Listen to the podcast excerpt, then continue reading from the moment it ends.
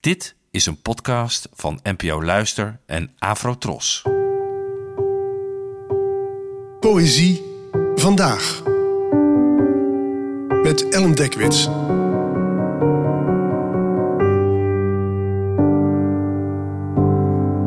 Hallo, fijn dat je luistert. Vandaag lees ik het gedicht Vasthoudendheid voor van de Nederlandse dichteres Lieke Marsman, geboren in 1991. Vasthoudendheid. Er bestaan vele redenen waardoor je niet stil kunt blijven liggen s'nachts. Als je steeds moet hoesten bijvoorbeeld, zal je lichaam op en neer schokken alsof je op een rijkoets ligt en als je erg ziek bent een lijk wagen. Of het is zo dat je niet weet waar je moet kijken, omdat alles voor je ogen rood is. Je ogen zijn zo rood omdat iemand heeft gezegd dat je ogen zo blauw zijn en dat heeft je geraakt.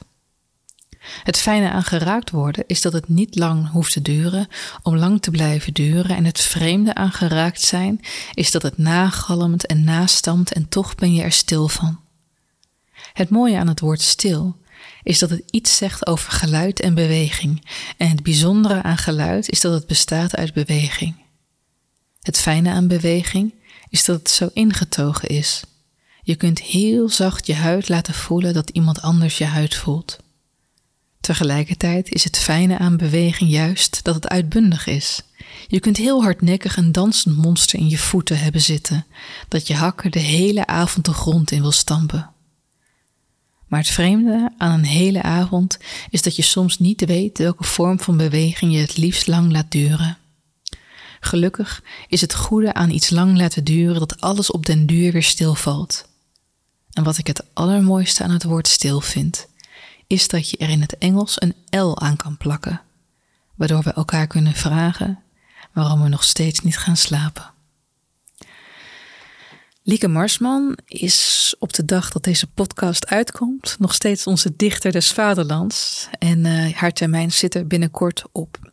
Helaas, want de versen die ze de afgelopen twee jaar in deze functie schreef, behoren, als u het tenminste aan mij vraagt, tot enkele van de sterkste die die dichters die dit ambt bekleden hebben voortgebracht. En het gedicht dat u zo even hoorde, komt uit Marsmans debuutbundel, wat ik mijzelf graag voorhoud, uit 2010. En wat ik er zo knap aan vind, is dat het op verschillende niveaus ingaat op wat er in de openingsregel wordt gezegd. Namelijk dat er verschillende redenen zijn dat je niet stil kan liggen in bed, waardoor de slaap maar niet komt. Door bijvoorbeeld te hoesten, zoals in het begin te lezen valt, of dat je niet weet waar je moet kijken, maar natuurlijk ook door hoe associatief je geest wordt wanneer je eigenlijk zou moeten slapen. Zo worden er ogen beschreven die rood zijn omdat iemand je heeft geraakt. Vervolgens is er een bespiegeling over geraakt zijn, hoe het nagalmt en je er toch stil van kan zijn, waarop er wordt doorgeassocieerd op het woord stil en ga zo maar verder. Nu je in het donker niet meer afgeleid wordt door praktische zaken zoals de afwas, kinderen of huisdieren, veranderen je gedachten in dominostenen, waarbij de ene de andere in beweging zet, tot er geen houden meer aan is en je voor het weet de ochtend alweer ziet aanbreken. Dit hele proces wordt hier krachtig weergegeven.